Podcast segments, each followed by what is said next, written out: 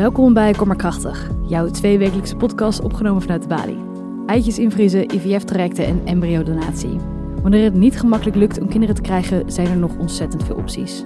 Maar waar ligt de grens aan onze vruchtbaarheid? En hoe bedenk je regelgeving voor zo'n gevoelig thema? Mijn naam is Lindeen en eerst ga ik in gesprek met programmamaker Rogaya Seke.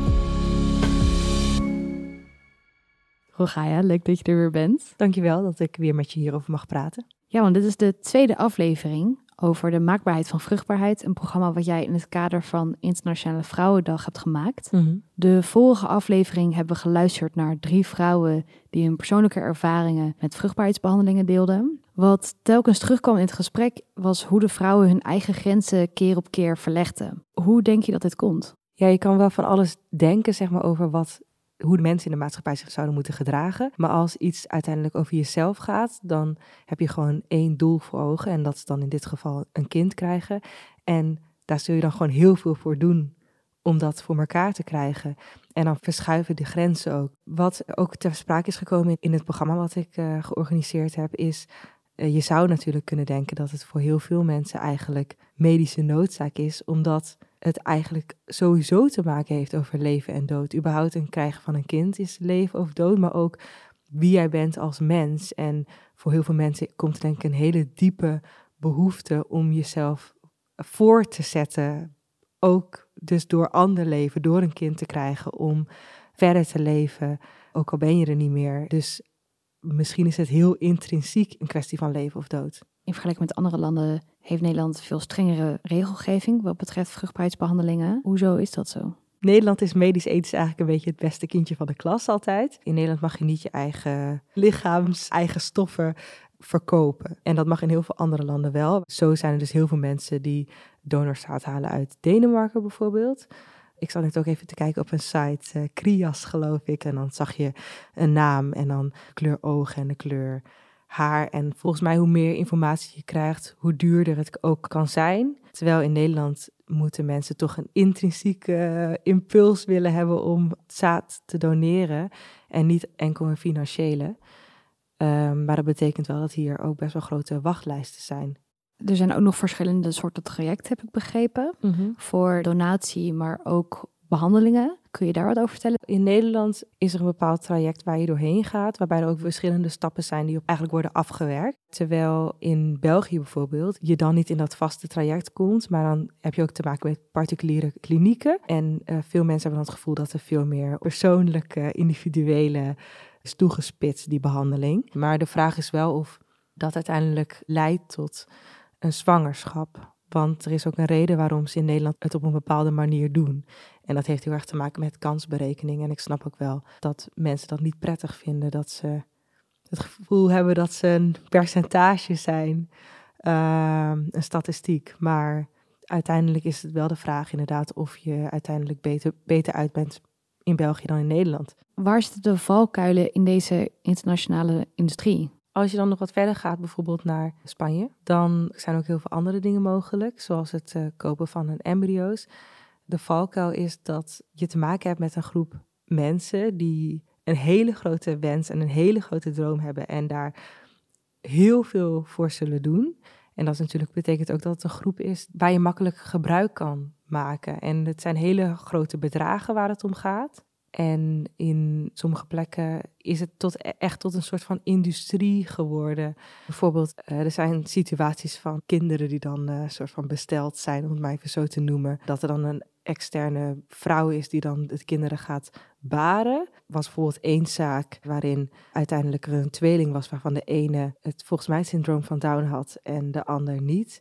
En ze toen wilde dat ze de zwangerschap zou afbreken. Dat heeft ze toen niet gedaan. Toen wilde ze alleen het kind wat niet het syndroom van Down had. En zijn die kinderen eigenlijk uit elkaar gehaald en heeft die draagmoeder voedt nu het kind op met syndroom van Down en de ouders die uh, hebben het andere kind ja, dat zijn wel zeg maar eh, medisch-ethische vraagstukken waarbij wel een probleem ontstaat doordat er een industrie is gemaakt waarbij sommige mensen dus blijkbaar denken dat ze recht hebben op heel veel.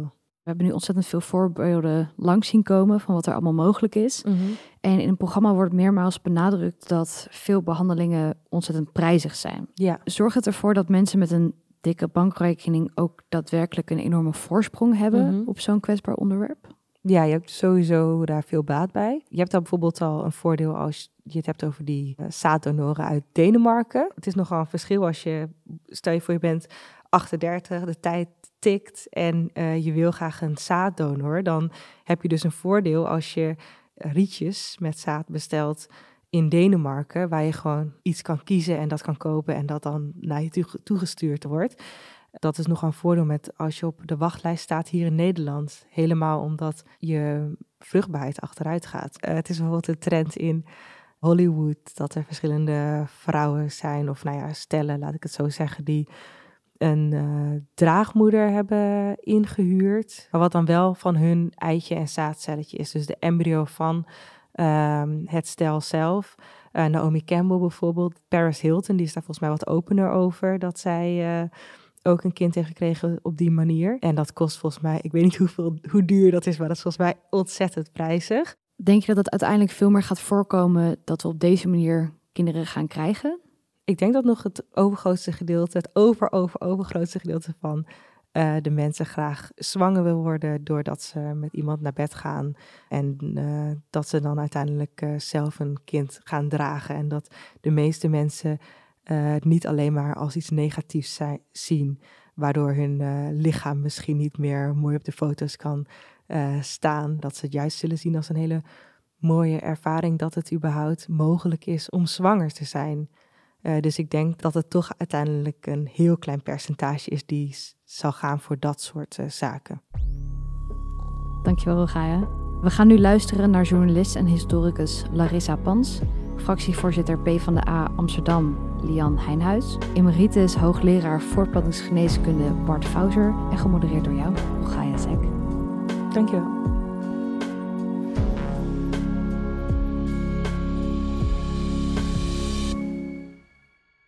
En dan uh, is het nu uh, aan mij om de volgende drie gasten uit te nodigen. Uh, Lian Heijnhuis, fractievoorzitter van de PvdA hier in Amsterdam. Bart Fouser, emeritus hoogleraar voortplantingsgeneeskunde. En Larissa Pans is historicus en journalist en schreef het boek Onbeperkt vruchtbaar, een zoektocht naar de uiterste houdbaarheidsdatum van het moederschap. Um, Bart, ik wilde graag met jou beginnen, want je begon volgens mij in de jaren tachtig um, met de carrière die, uh, die te maken had met gynaecologie en voortplantingsgeneeskunde. Uh, wat zijn nou volgens jou de echt grote veranderingen die er in die tijd zijn geweest?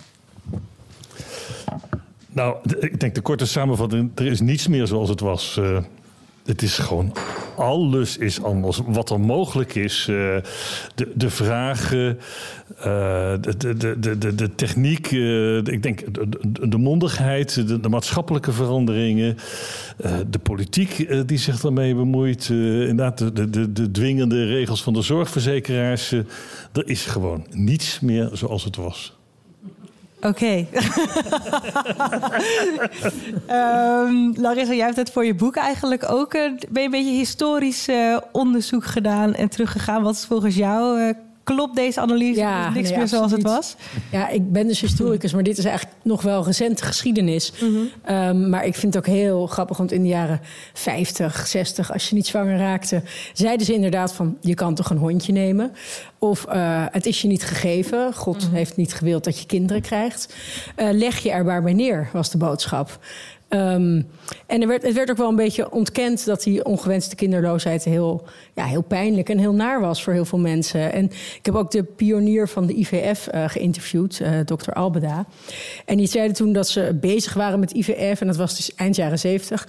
En toen hebben ze op televisie een oproep gedaan van zijn er sterren die mee willen doen. Het is wel riskant, we zijn experimenten bezig met IVF honderden brieven.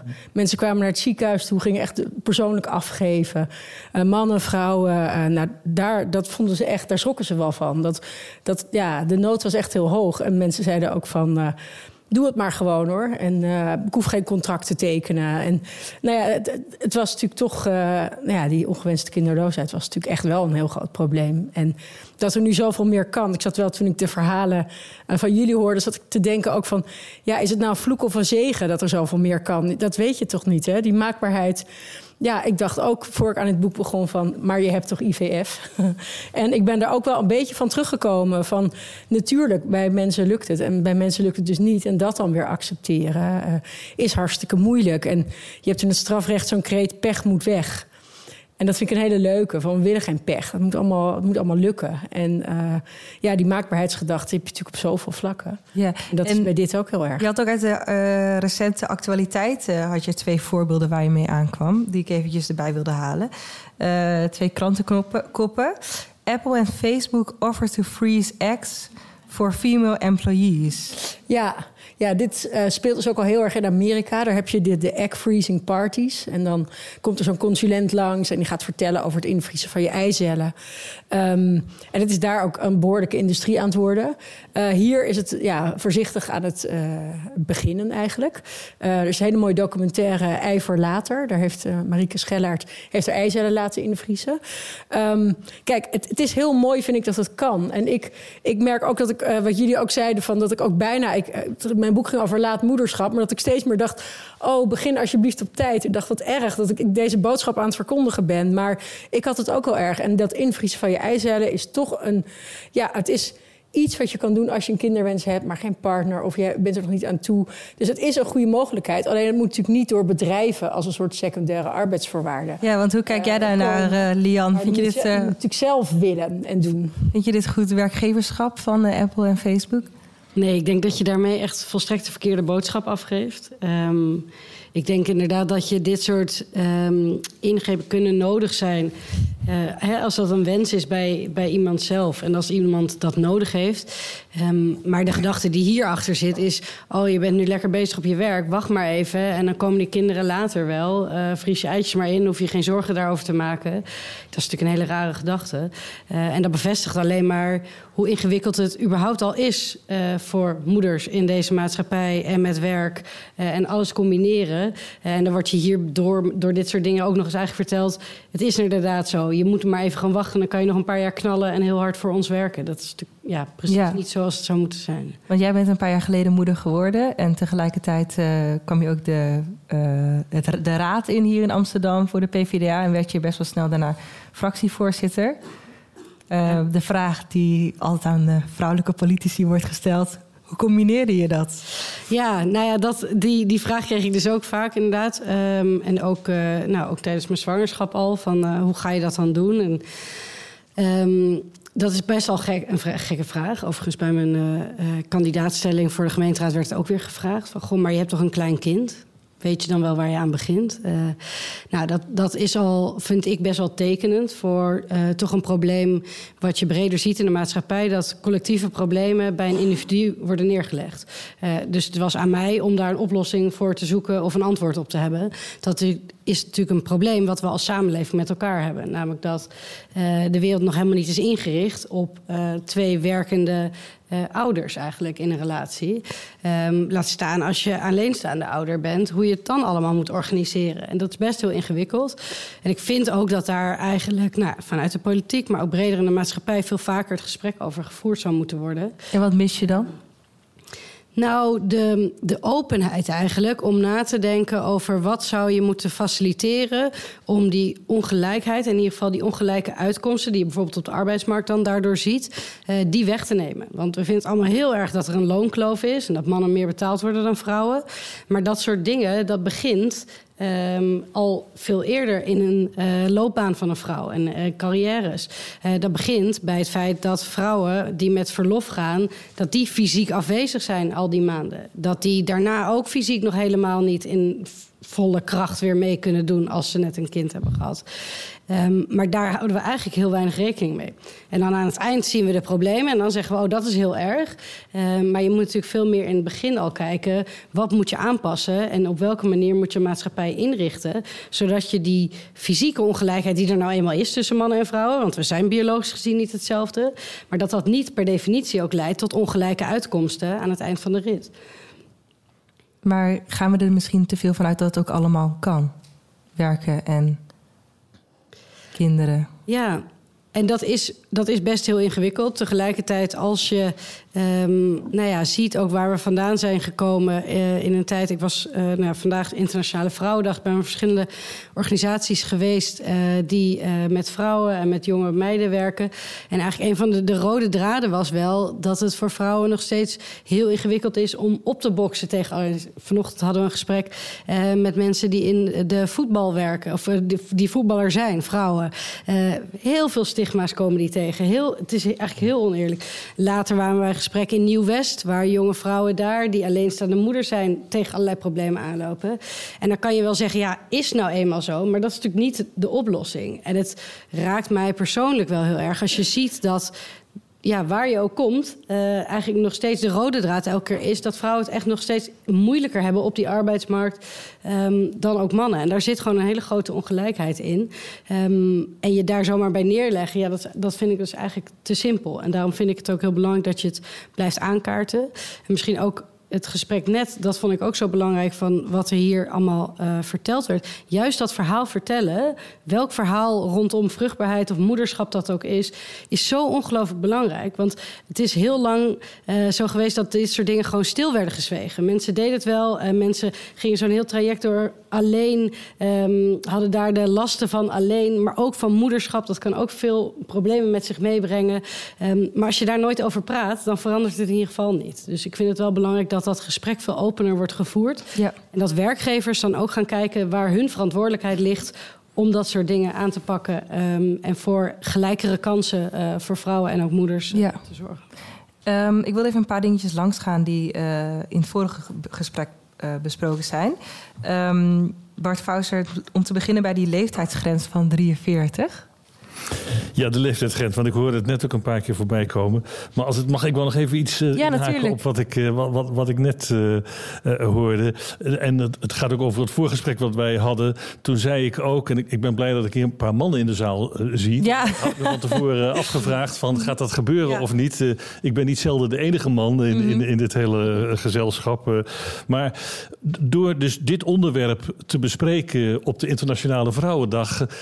wek je misschien de indruk dat het een, vrouwendingetje is. Uh, terwijl hè, mannen hebben hier natuurlijk ook alles mee te maken. En ook in, de, in het feit dat het gewoon vaak niet goed gaat. In de zin met uitstellen, daar hebben we het over gehad. Hoe, la, hoe langer je wacht, hoe meer hè, de kans eh, is dat het niet gaat lukken. Daar spelen mannen ook een grote rol in. Natuurlijk mm -hmm. in de zin van partnerkeuze. Langer buiten willen spelen en je eigen dingetje doen. Uh, zorg thuis uh, gelijk verdelen. Dus er zitten een heleboel mannenaspecten aan.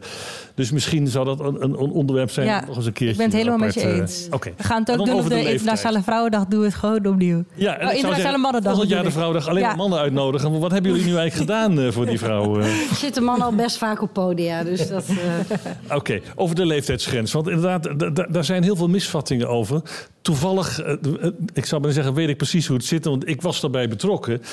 Het, het, was de minister van Volksgezondheid destijds, uh, die dus uh, per decreet ons, de beroepsgroep, heeft meegedeeld en de zorgverzekeraars, de, de, kosten voor IVF moeten gedrukt worden. Dat moest 30% omlaag. Dat was gewoon een oekase. En, en er werd tegen ons gezegd van, gaan jullie het maar regelen. En mijn eerste reactie was, ja, dankjewel. Dan, dan mogen we dus kiezen of we door de kat of door de hond uh, gebeten gaan. Want dat is natuurlijk een, ja, een, een non-keuze. Ik heb ook nog gezegd, in het totale gezondheidszorgbudget... het is natuurlijk gewoon absolute peanuts. Dus moet nou daar nog 30% van af. Uh, we hebben nog eens in de krant geschreven... elk IVF-kind is een toekomstige belastingbetaler. Dus uiteindelijk, uiteindelijk de samenleving die gaat er alleen maar op vooruit. Maar goed, allemaal niet geholpen. En, en daar is dus die grens van 43 onder andere uh, ontstaan... En dat gaat dus over, hè, dat heet nu mooi zinnige zorg, dat gaat dus over doelmatigheid. Uh, en als je dus IVF-behandelingen doet bij vrouwen 43 of hoger met eigen eicellen, dan is de kans op succes heel erg klein. Dit was ook in een tijd dat eiceldonatie en eicellen invriezen nog niet kon, zeg maar ongeveer 15 jaar geleden. Toen heeft die discussie plaatsgevonden. Dus die 43 heeft niks met medici te maken, heeft niks met dokters te maken. Dit is gewoon zorgverzekeraars en kosten die dat hebben afgedwongen. Dus overigens niet de enige. Hè. De, men zei van, er moet gewoon een derde van de cycli moeten eraf. In ieder geval de vergoede cycli. Dus mensen die nu naar België gaan, het is denk ik goed om, om te weten. In België doen ze echt niks meer dan in, dan in Nederland kan doen. Alleen, daar zijn ook financiële. In Nederland is het zo erin gepompt. Wij werken volgens het minimummodel. De, kortom, je moet alles doen, maar het moet zo min mogelijk kosten. Dus daarom wordt er, ik, ik hoorde net histoscopie, ik weet niet meer. Ja, histoscopie. Er worden in Nederland enorm veel histoscopieën gedaan. Hè? Dus een kijkoperatie in de baarmoeder. Maar de vraag is hè, van de zorgverzekeraar: ja, toon maar een bewijs dat dat die IVF-resultaten beïnvloedt. Uh, dus die 43 heeft alleen maar daarmee te maken. Maar ook in Nederland worden IVF-behandelingen gedaan bij vrouwen boven de 43. Alleen dat is op eigen kosten. En in principe niet met eigen eicellen. En waarom? Ook weer, dat is niet een, een vaste grens. Maar omdat de kansen. Ik zag toevallig gisteren nog een Amerikaanse uh, uh, centrum. die dus hoog van de toren blies. Die hadden bij 43-jarige vrouwen. cumulatief, dus dat is met meerdere cycli. die hadden 9% kans op succes. Nou, dan kun je zeggen van, en zij zeiden, oh, fantastisch. Maar je kan ook zeggen, ja, 91% van die vrouwen, die zijn dus gewoon excuus helemaal uitgemolken. Hè? Want in, in Amerika kost het 25.000, 30.000 dollar één behandeling. Dus die zijn 90.000 dollar kwijt. 91 van de 100 vrouwen. Nou, dat kun je ook zeggen, dat is boerenbedrog. Uh, dat moet je gewoon mensen niet aan willen doen, zoiets. Uh. Kortom, in Nederland, en, en nou, de grens was 45. Daar werden wij in het, in het buitenland enorm voor bekritiseerd. Dus ja, ja, paternalistisch gedoe, alsof het aan de dokters is om, om te bepalen. Dus en nou, na, na veel gedoe, interessante mhm. details, daar zal ik het nu niet over hebben, is, het, is dat. Maar het zijn wel interessante details, denk ik. Het, is het verhoogd naar 50 jaar. Uh, mm Maar dat is in principe niet alleen in de praktijk, is het vaak embryo's terugplaatsen. Ik geloof, maar in, dat gaat niet over embryo's terugplaatsen. In principe mag onvruchtbaarheidsbehandeling in Nederland gebeuren bij vrouwen tot en met 49 jaar. Dat staat in de embryowet. Eerst stond in de embryowet 45 en dat is opgehoogd een jaar of tien geleden naar, naar 50. Dus het buitenland gaat verder. Maar het buitenland heeft ook vaak commerciële incentives. Dat werd even gezegd. Er is ook heel veel discussie over exploitatie. Hè? Want inderdaad, je kan het zelf moeilijk overzien. Mensen zijn vaak desperate. En mensen die, die het zich kunnen permitteren... ja, die, die zijn bereid in Amerika... die verkopen gewoon een huis. En die moeten, eh, dus er is ook... Hè, als je vanuit marketingperspectief denkt... zijn ideale klanten, want die kun je gewoon alles aanspreken. Ja.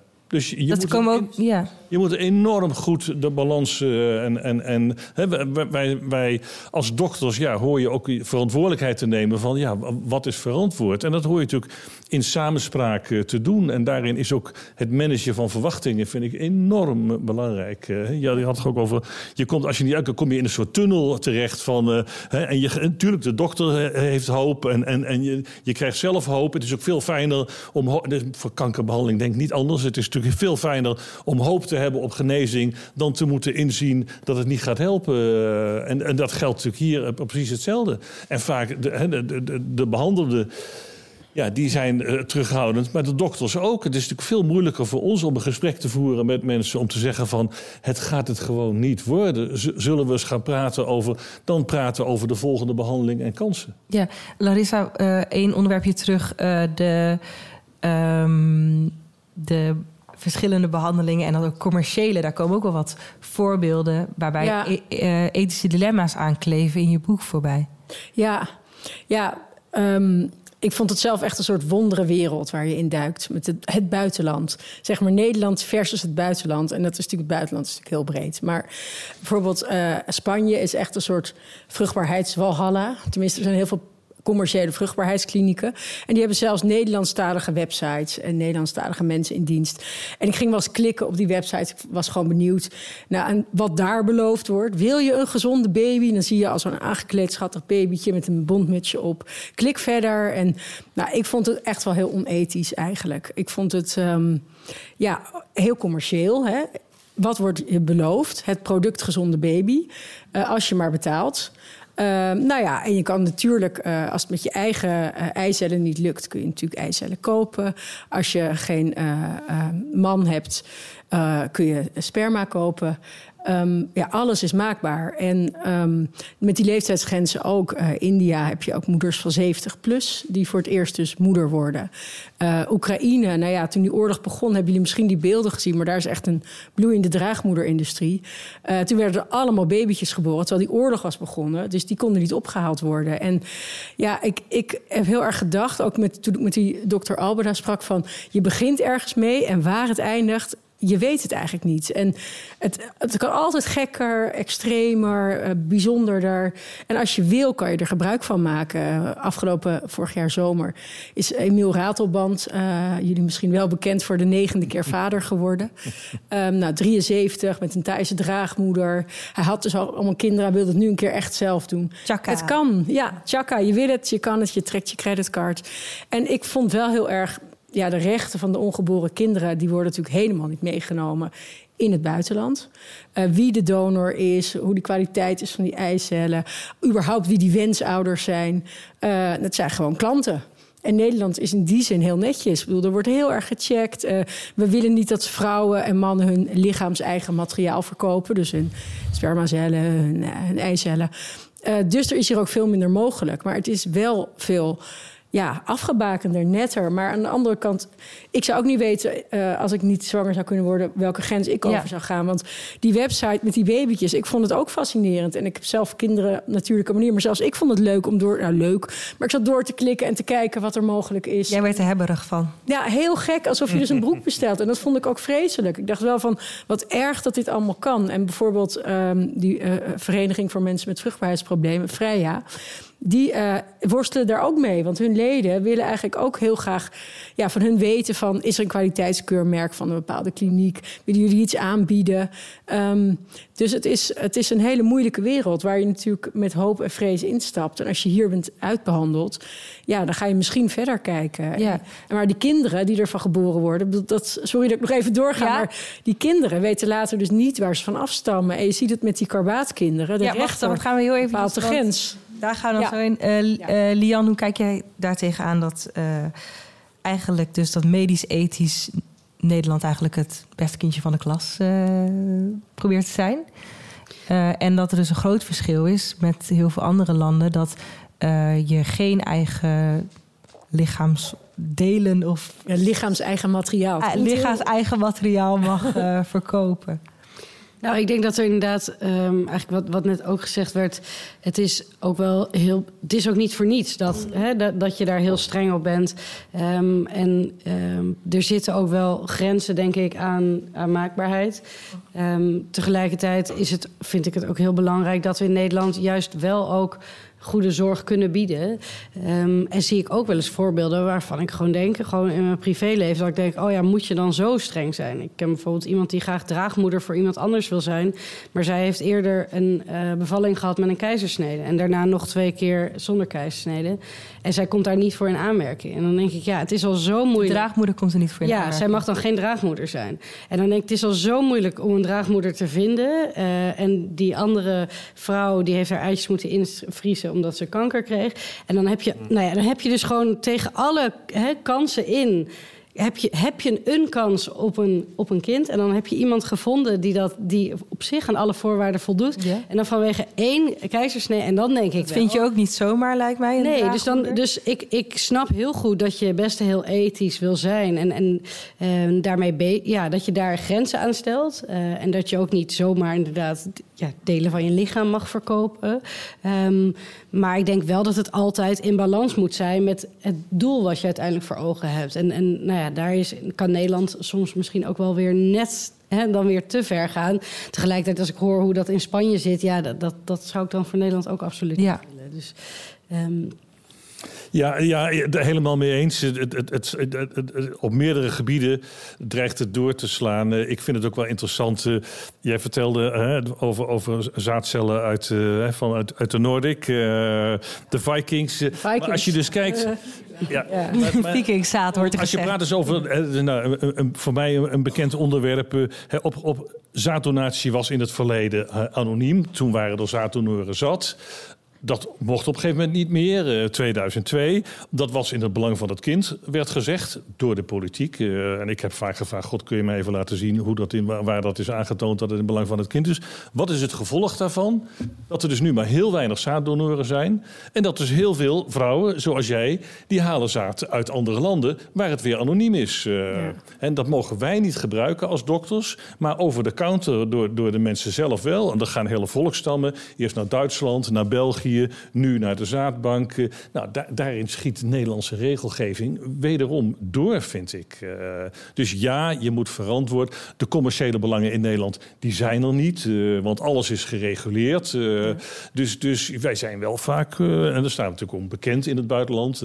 ik word er heel wat buitenlandse collega's uitgelachen door ons gemoraliseerd. Gewezen vingertje. ja, dus het is goed dat we het doen. Commerciële belangen zijn er niet, dus de kans op exploitatie is, is er niet. Ik hoorde net ook het uitbehandeld. Uh, ja, wat, wat, is uitbehandeld? Ja. Hè? Als je, als je natuurlijk hè, in de zand, hè, ik vind het een mooi woord, maar shared decision. Als je dus samen een traject uitzet en samen, ja, dan, dan kom je op, uiteindelijk samen tot de conclusie dat verder behandeling geen zin meer heeft. Maar uitbehandeld in Nederland betekent nog alles dat de dokter zegt van ik doe het niet meer, want ik vind het niet zinvol. En dan zegt de, de betrokkenen van ja, hallo, ben jij de enige die daarover gaat. Mag ik daar ook nog iets van vinden? En als ik het hier niet krijg, dan ga ik het ergens anders halen. Nou, dat heeft weer met dat vingertje te maken. Ja, en dan komen we toch bij het uh, zaad van karbaat eigenlijk uit. Uh, dat uh, donorkinderen krijgen inzage in dossier spermadokter karbaat. Dat, dat was eigenlijk wel een groot verschil, omdat daar ja. bij verschoof... Dat is eigenlijk dus het argument voor die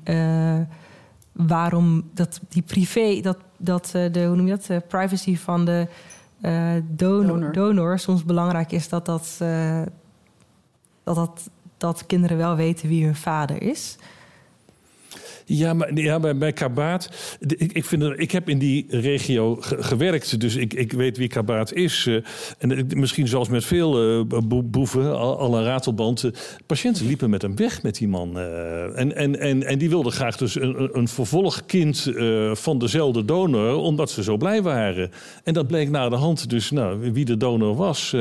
dus ja, er is natuurlijk gewoon in de, in de vroegere tijd heel veel gebeurd, wat natuurlijk echt niet kon volgens welke norm uh, dan ook. Uh, dus dat is aan de ene kant heel erg moraliserend. Aan de andere kant zien we dus ook, ja, als er niks geregeld is, uh, dan, dan, dan, kunnen er allemaal dingen gebeuren die het daglicht niet kunnen zien. Dus het blijft, er is geen goed of slecht, er is geen ja of nee, maar je moet daar naar blijven kijken. En ook met alle nou ja, maatschappelijke veranderingen en, en dergelijke. Ja, Larissa, jij noemde dit ook als uh, grote ja, verschuiving goed wel. of slecht. Ik vond dit wel een cowboypraktijk hoor, eerlijk gezegd. Sorry? Ik vond het wel een cowboypraktijk van die karbaat. 80 uh, donorkinderen uh, verwekt. Na achteraf bleek, maar, maar ik nog maar. Ik heb, maar, maar de patiënten die bij hem in behandeling. En ik neem hem helemaal niet in verdediging, laat me duidelijk zijn. Mm. Maar iedereen die wilde dolgraag terug naar hij hem. had goed vers zaad, dat zei hij zelf. Ja, dat, is, dat snap ik, want het was zijn eigen zaad. Uh, maar ik denk wel, de kinderen zeiden wel, we zijn er een van een productielijn. Ik bedoel, voor die kinderen, aan die kinderen is niet gedacht. Die wens, maar die wensouders zijn ook niet allemaal blij. Want die voelen zich ook bezoedeld. Denken ook tuurlijk, van, uh, tuurlijk, tuurlijk. Nou, er is gespeeld heel... met mijn, ja, mijn belangen en mijn wensen en mijn privacy misschien. Dus ik, ik, ik snap wel wat je zegt. Van als er weinig regels zijn, gaan mensen natuurlijk hun eigen grenzen maken. Uh, maar ik vind dat deze man wel. Uh, oh, absoluut, absoluut. Ja, maar ik bedoel, dan is het, het contrast met de, de, te weinig regulering versus ja. nu de dreiging van overregulering. Uh. Ja. Ja, maar de, de, rechter heeft dus uiteindelijk in 2018 bepaald, toen Karbaat overleden was, dat die mogelijke donorkinderen, dat die dus zijn DNA-materiaal mochten inzien of mochten krijgen van de weduwe. Uh, om dus te kijken of ze van hem zouden afstammen. Um, en ik vond, dat, ik vond het wel opmerkelijk dat de rechter dat deed. Uh, en dat er eigenlijk vanuit de politiek was er heel erg van... ja, we moeten er een discussie over voeren en zo. Terwijl ik dacht, ja, ik vind dat je die rechten van die donorkinderen... best wat strenger mag afbakenen. Want ze hebben er niet om gevraagd. Ik vind het niet gek dat ze het willen weten. En bijvoorbeeld adoptiekinderen zeggen ook... we hadden gewild dat die adoptie veel strenger geregeld was. We weten ook niet van wie we afstammen. En ja, toen ik mijn boek schreef... kwamen ook heel veel adoptiekinderen naar me toe van... ons verhaal lijkt op dit verhaal. Dus aan, aan ons is niet gedacht. Die wens stond voorop. En ik vond het ook wel heel mooi... Ook wat jij zei van... ik heb er heel goed over nagedacht van... kun je het een kind aandoen van... Uh, ik weet niet wie mijn vader is... Ehm, en dat vind ik dus wel heel goed. Er wordt, ja, je moet er gewoon inderdaad wel over denken. Ook al heb je nog zo'n kinderwens. Het, het, het, is uiteindelijk natuurlijk het kind wat wel vragen gaat stellen. En ik denk echt dat er rechtszaken gaan komen van kinderen die nu in die Spaanse en Tsjechische en Oekraïnse klinieken geboren worden over 15, 20 jaar. Van ja, ik wil inzagen in die dossiers. En die zijn vernietigd, want die gaan ze echt niet bewaren in die landen. Dus dat wordt nog wel een, een nare strijd. Ja, Bart Fauser? Ja, over de rechten van het kind. Uh, ik heb lang gewerkt in, in Rotterdam, echt in de stadspraktijk, waar we heel wat mensen, drugsverslaafden, psychiatrisch, mensen die zichzelf totaal verwaarloosden, geweld in relaties. Uh, en daarvan heb ik nog alles. En die kwamen dan voor onvruchtbaarheidsbehandeling bij ons. en daarvan heb ik nog alles gezegd in ons eigen team van die mensen kunnen nauwelijks voor zichzelf zorgen. Is dat nou iets waar wij aan moeten werken? Maar nou, daar ben ik enorm om bekritiseerd. Van wie denk je wel niet dat je bent? En dat moeten mensen zelf. Uh, dus het is buitengewoon ingewikkeld om daarin. Maar, maar ja, met gezond verstand denk je van ja. Kom op, dat is niet in het belang van het kind om in zo'n situatie. Maar goed, waar ligt de grens? Want dan krijg je mensen met een psychiatrisch verleden. die nu en wat is de kans? Dus je komt in. En weigerde je dan soms ook zorg te leveren? Sorry? Was het ook soms dat er dan geen zorg daarvoor werd geleverd? Of dat, er geen, dat de behandeling dan ja. stopte? Ja, in extreme gevallen van bijvoorbeeld bij mannen die met kanker werden voor kanker werden behandeld en bij wie het zaad werd ingevroren. Uh, nou, dat is echt. Bijvoorbeeld dat zo'n man tijdens die behandeling overleed. Hè, en dan is het, heb je dus zaad van een echtgenoot die is overleden. En eh, wat doe je dan met dat zaad? En uh, wil die vrouw dat weggooien? Of wil die juist wel een kind daarvan? En wanneer doe je dat dan? En je komt natuurlijk in ongelooflijk ingewikkelde. Maar we hebben zeker. Sorry? Je een verklaring voor tekenen, maar juridisch gezien stelt dat uiteindelijk niet zoveel voor. Daar kunnen mensen gewoon makkelijk uh, om, omheen. Dus dan ligt het er een beetje aan welke dokter je voor je hebt of je dat nou ja, maar daarom, en, en, dat vind ik dus enorm dat je moet uitkijken. En dan wordt het gewoon willekeur. Hè. Toevallig, als je bij dokter A komt, die gaat er wel mee en dokter B niet. Dus ik heb heel erg geprobeerd, ook landelijk, uh, om daar wel min of meer. En daar hebben we wel ook landelijke richtlijnen voor. En dat is allemaal boterzacht natuurlijk, maar mm -hmm. het is beter dan helemaal niks. Jan, heb je eigenlijk een politiek inzicht over deze verschillende ethische dilemma's? Nou, uh, nu zit ik in de politiek hier lokaal in Amsterdam. Dus dit soort grote ethische vraagstukken, die, die hebben wij niet. Maar um, wat natuurlijk wel, denk ik terecht... Uh, wat, of eigenlijk, bedoel, er zit natuurlijk een grens ook in... Um, dat vind ik heel lastig vanuit de politiek. Um, het, het, wordt op een gegeven moment toch een beetje voor God spelen. Als je inderdaad gaat bepalen: oh, als je uh, te veel drugs gebruikt, dan mag je geen kind. En als je dit, bedoel, waar zit dan inderdaad de grens uh, wat te veel is en wat te weinig? Um, en dat is heel ingewikkeld. En ik denk dus dat je ook zoveel mogelijk daarbij weg moet blijven. Uh, of je nou arts bent of, of politicus. Maar daarin vind ik dat de regie ook vooral heel erg bij mensen zelf moet liggen. Ja. Um, omdat het natuurlijk heel gevaarlijk wordt als je daar een oordeel over gaat geven. Wie dan een geschikte ouder is en wie niet. Dat ja. is eigenlijk. Ja. Ik bedenk me net dat ik eigenlijk nog eventjes wel één onderwerpje terug uh, wil. Want we zijn heel snel gegaan. Maar uh, het uh, commercieel uh, geld krijgen voor dus eigen... Wat was het? Lichaams-eigen... Lichaams-eigen materiaal. Lichaams-eigen materiaal. Um, in 2012 heeft u de Eicelbank opgericht. Ja. Wat houdt dat in en hoe kwam je daarmee ook te maken met dat uh, aspect van dat niet commercieel? Um, ja, en een van mijn aandachtsgebieden was uh, vrouwen met vervoegde overgang. Komt niet zo vaak voor, maar toch honderden in Nederland. En dat zijn dus vrouwen die onmogelijk van eigen eicellen zwanger kunnen worden. Want die hebben gewoon geen eicellen. En in, in 10, 20 jaar geleden was dat alleen mogelijk indien vrouwen zelf iemand meebrachten die bereid was om als eiceldonor te acteren. Nou, dat is een, een ingewikkelde constructie en een ingewikkeld traject. Dus ik dacht, ja, we kunnen die vrouwen helpen. Net als met zaaddonatie in een stel waar de man geen zaad heeft. Eiceldonatie in de cel. Technisch kan dat, kon dat.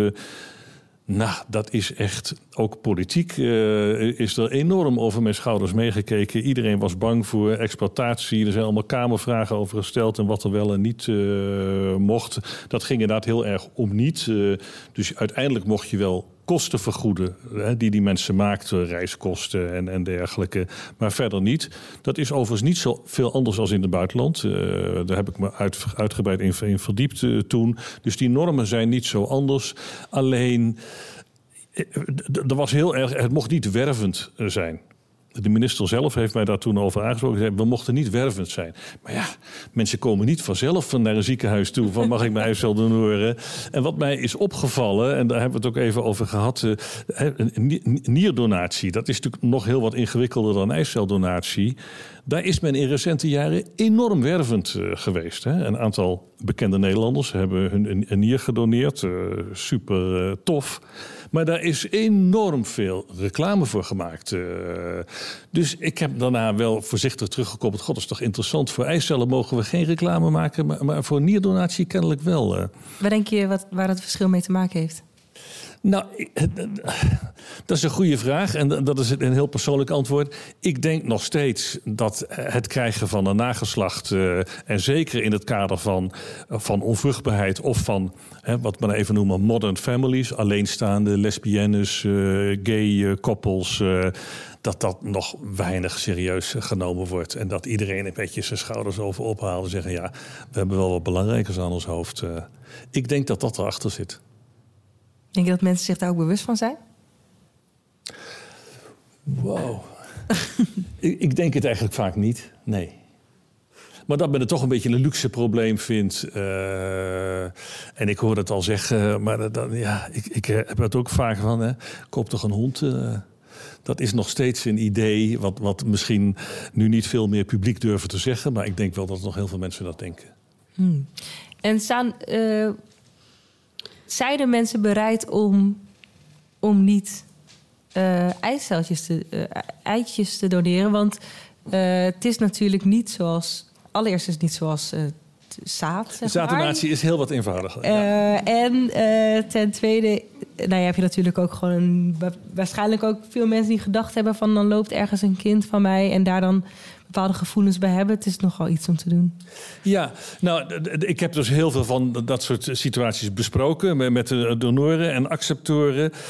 Eén, mensen die dat doen, die hebben er heel goed over nagedacht. Mm twee, de mensen die dat doen, ook al krijgen ze vergoeding, die doen dat uit altruïstische mhm. overwegingen. Meestal omdat ze iemand kennen, een zus, een vriendin, die kampt met onvruchtbaarheid. Dus die hebben de ellende daarvan gezien. En die zeggen: ik wil, als ik daar een bijdrage aan kan leveren, ik heb zelf een gezin. Of ik heb, we hebben ook anderen die zeggen: ik wil geen kinderen. Uh, er zijn steeds meer eh, vrouwen die zeggen: ik wil geen kinderen. Maar ik denk wel dat ik vruchtbaar ben. Nou, kortom, ik kan concreet iets voor andere mensen betekenen dat heb ik er graag voor over. Uh, we hebben ook heel wat mensen die komen gewoon voor een tweede keer terug voor een IJsseldenoor en zeggen: God, ik wil nog wel een cyclus, uh, nog wel een keertje dat hm. doen. Dus, dus eh, ja, mensen doen het altruïstische overwegingen. Maar twee, we hebben er nog steeds veel te weinig. Omdat we geen middelen hebben en omdat we niet mogen werven. Dus ik denk nog steeds, er gaan veel meer mensen voor ijsseldonatie naar het buitenland eh, dan in Nederland. Omdat we gewoon een tekort hebben. In feite net als voor zaad. Eh, we hebben het allemaal zo strak geregeld dat het praktisch gezien... en om over draagmoederschap maar te zwijgen. dat komt bijna. Hè? Het mag, dus iedereen kan zeggen, ja, in Nederland mag het ook. Maar in de praktijk, dit is goed 15 per jaar in heel Nederland. Dus waar hebben we het over? Eh, en toch ook een hele lange wachtlijst voor die eicelbank. Ja. een enorme keuring. En het verhaal wat je vertelt. Iemand met een keizersnede die daarna twee keer zwanger is geworden. Waarom zou, in godsnaam, waarom zou die geen eiceldonor kunnen zijn? Daar is echt geen medische reden voor te bedenken. Een draagmoeder, ja. Maar Nederland is gewoon natuurlijk nog een heel conservatief land. Ja in de kern. Ja. We, hebben gewoon een hele conservatieve regering. Ja, dan wil ik toch heel even... Ja, ga ervoor. Vrouwendag. ABC van het feminisme en het heilige moederschap. Uh, hoe dat eigenlijk al heel lang zo is. En dit is geschreven door Hedy Dancona en Wim Hora Adema met cartoons van Len Munnik. Het ABC van het feminisme, nou, ik vond het een heel leuk boekje. Uh, de M van moederschap wil ik jullie niet uh, onthouden. Um, een veelbesproken onderwerp in de vrouwenbeweging. Wat een opluchting was het voor veel vrouwen toen ze openlijk konden zeggen hoe belastend zij af en toe de zorg en verantwoordelijkheid voor kleine kinderen vonden. Of hoe schuldig zij zich voelden als ze zich onttrokken aan de taak door tijd voor zichzelf op te eisen. Veel van die persoonlijke ervaringen vind je terug in het Moederboek, een uitgave van de feministische uitgeverij De Bonte Was. Nou, er zijn er nog een paar voorbeelden en daarin staat er: Daarin wordt duidelijk gemaakt dat het moederschap en de manier waarop uiteenlopend in onze samenleving gestalte heeft gekregen, maken dat moeders juist aan hun dochters eigenschappen overdragen die ook hen weer tot traditionele moeders maken.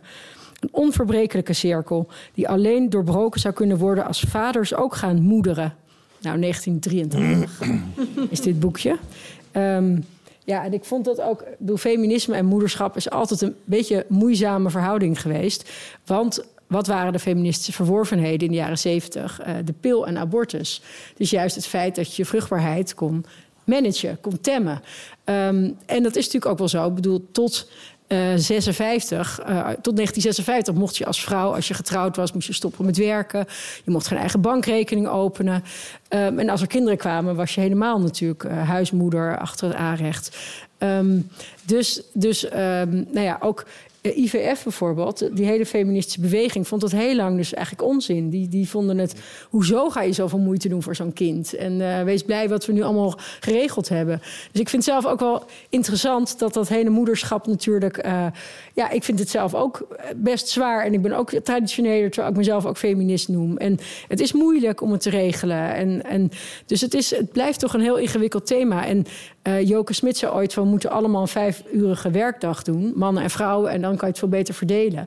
Dat is natuurlijk een hartstikke goed idee. Maar ja, ik bedoel, zie dat nu maar eens te realiseren in deze tijd. En waarin je altijd bereikbaar moet zijn. En, en het stiekem toch wel gaat om je uren maken en uh, aanwezig zijn. En op die vrijdagmiddagborrel misschien wel zijn. Dus het, het blijft heel ingewikkeld. Dat, het is toch dat zorgen staat gewoon in veel lager aanzien.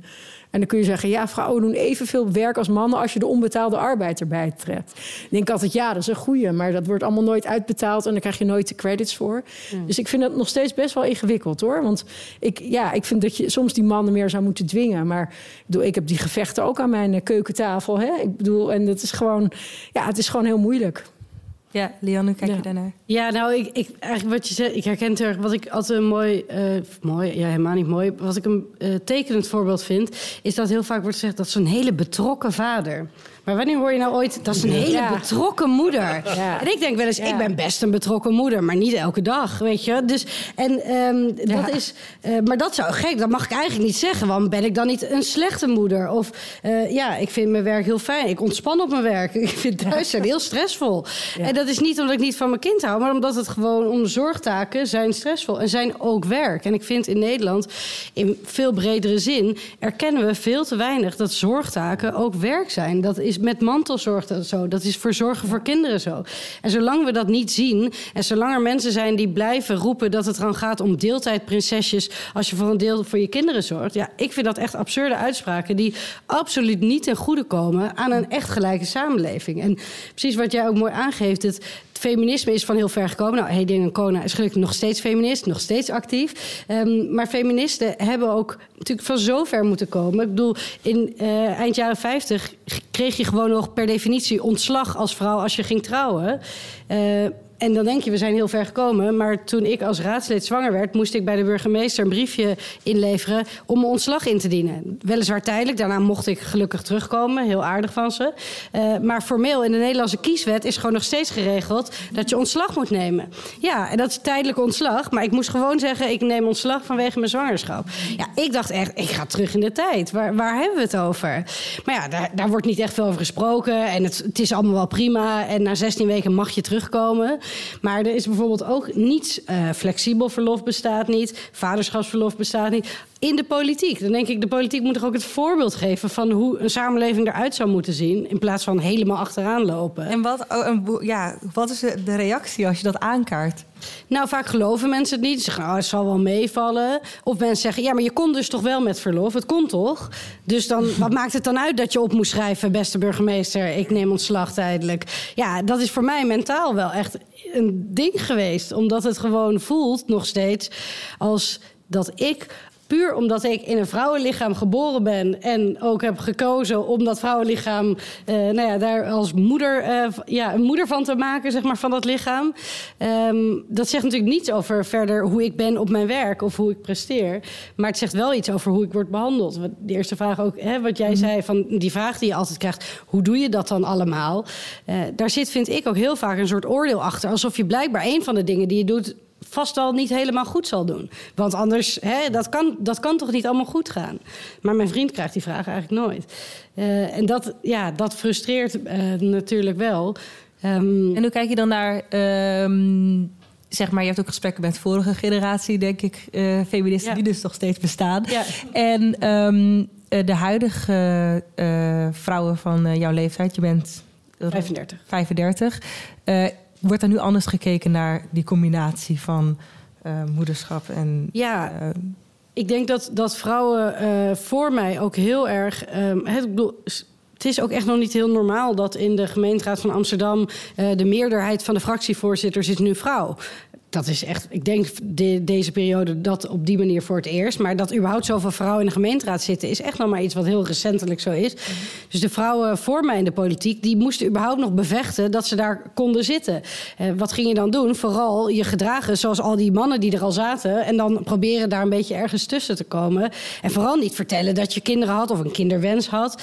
Ik heb ook verhalen gehoord van vrouwen in de politiek die dan maar kozen bewust om geen kinderen eh, te nemen. Want het was ze eindelijk gelukt om in die politiek te komen komen. En dan, hè, dat kon dan heus niet samen.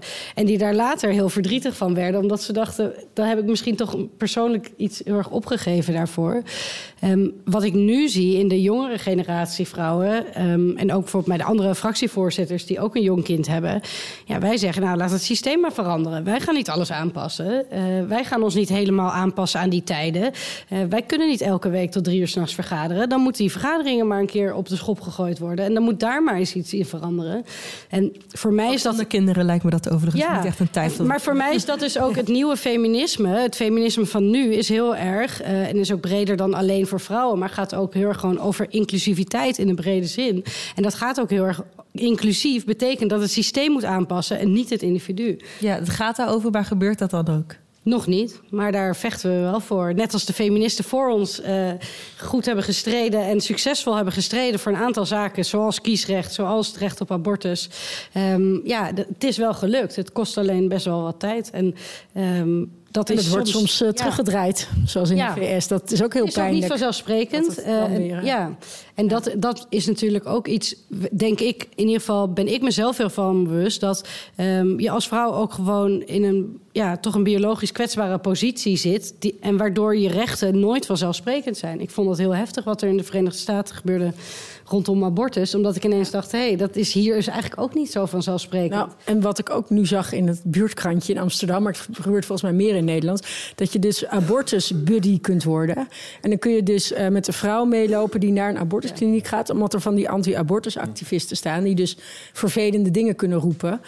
En ik werd er heel woedend om. Ik dacht, moet ik niet ook zo'n abortus-buddy gaan worden? Want ik dacht, wat erg dat die mensen daar staan en dan gaan roepen van wat doe je? En ja, ik vond het toch wel uh, schokkend. Dat ik dacht, dingen waar inderdaad wij, maar ja, ik niet, maar de mensen, de mensen voor mij voor gestreden hebben, dat het dus toch weer allemaal kan veranderen. En dat het vrouwenlichaam dan ook een heel politiek iets is. Dat vind ja. ik ook heel schokkend. Want als je zwanger bent, dan mag je het allemaal lekker zelf oplossen. Maar als ik dan Thierry Baudet hoor over uh, het heilige moederschap en het gezin, dan word ik daar ook weer woedend van. Dan denk ik, hou je mond, ik bepaal dit. En niemand mag dit voor mij bepalen. En ja, en ook of je inderdaad, of je als lesbisch stel kinderen wil of wat dan ook. Ik vind het enorm bevoogdend. Maar ik wil ook heel erg die vrijheid hebben om het zelf te kunnen doen. Maar um, toen ik zelf zwanger was van mijn tweede, werd ik freelancer. En de eerste keer zei ik dat ik zwanger was. En dan merkte ik echt van, oh, kan je nog wel stukken schrijven? Oh, moeilijk, moeilijk. En toen werd ik um, zwanger van de derde. Dat heb ik het gewoon niet gezegd. Ik ben gewoon blijven doorwerken. En ze later een geboortekaartje gestuurd. En dan waren ze allemaal verbaasd. Maar ik had gewoon er helemaal geen zin in dat opdrachtgevers misschien voor mij zouden bepalen... kan ze nog wel dat stuk schrijven. Oh, ze is misschien nu al zeven maanden zwanger. Ook een term, toch? Dus, Iets van maternity... Uh... Dat weet ik niet. Oh, het staat in je boek namelijk. Oh. Dus ik dacht, jij weet het. Jij vult het nu voor mij aan. Dat er vanuit wordt gege- dat, dat andere mensen voor jou gaan denken... en dat dat dan jou weer beperkt in ja. uh, de ja. uh, kansen die je krijgt. Dat heb ik dat goed opgeschreven. Ja. En dan is het nu tijd om applaus te geven voor ook deze gasten. Wil jij nou live bij een van onze programma's zijn? Volg ons op de socials en houd onze website in de gaten voor nieuwe data. Tot de volgende.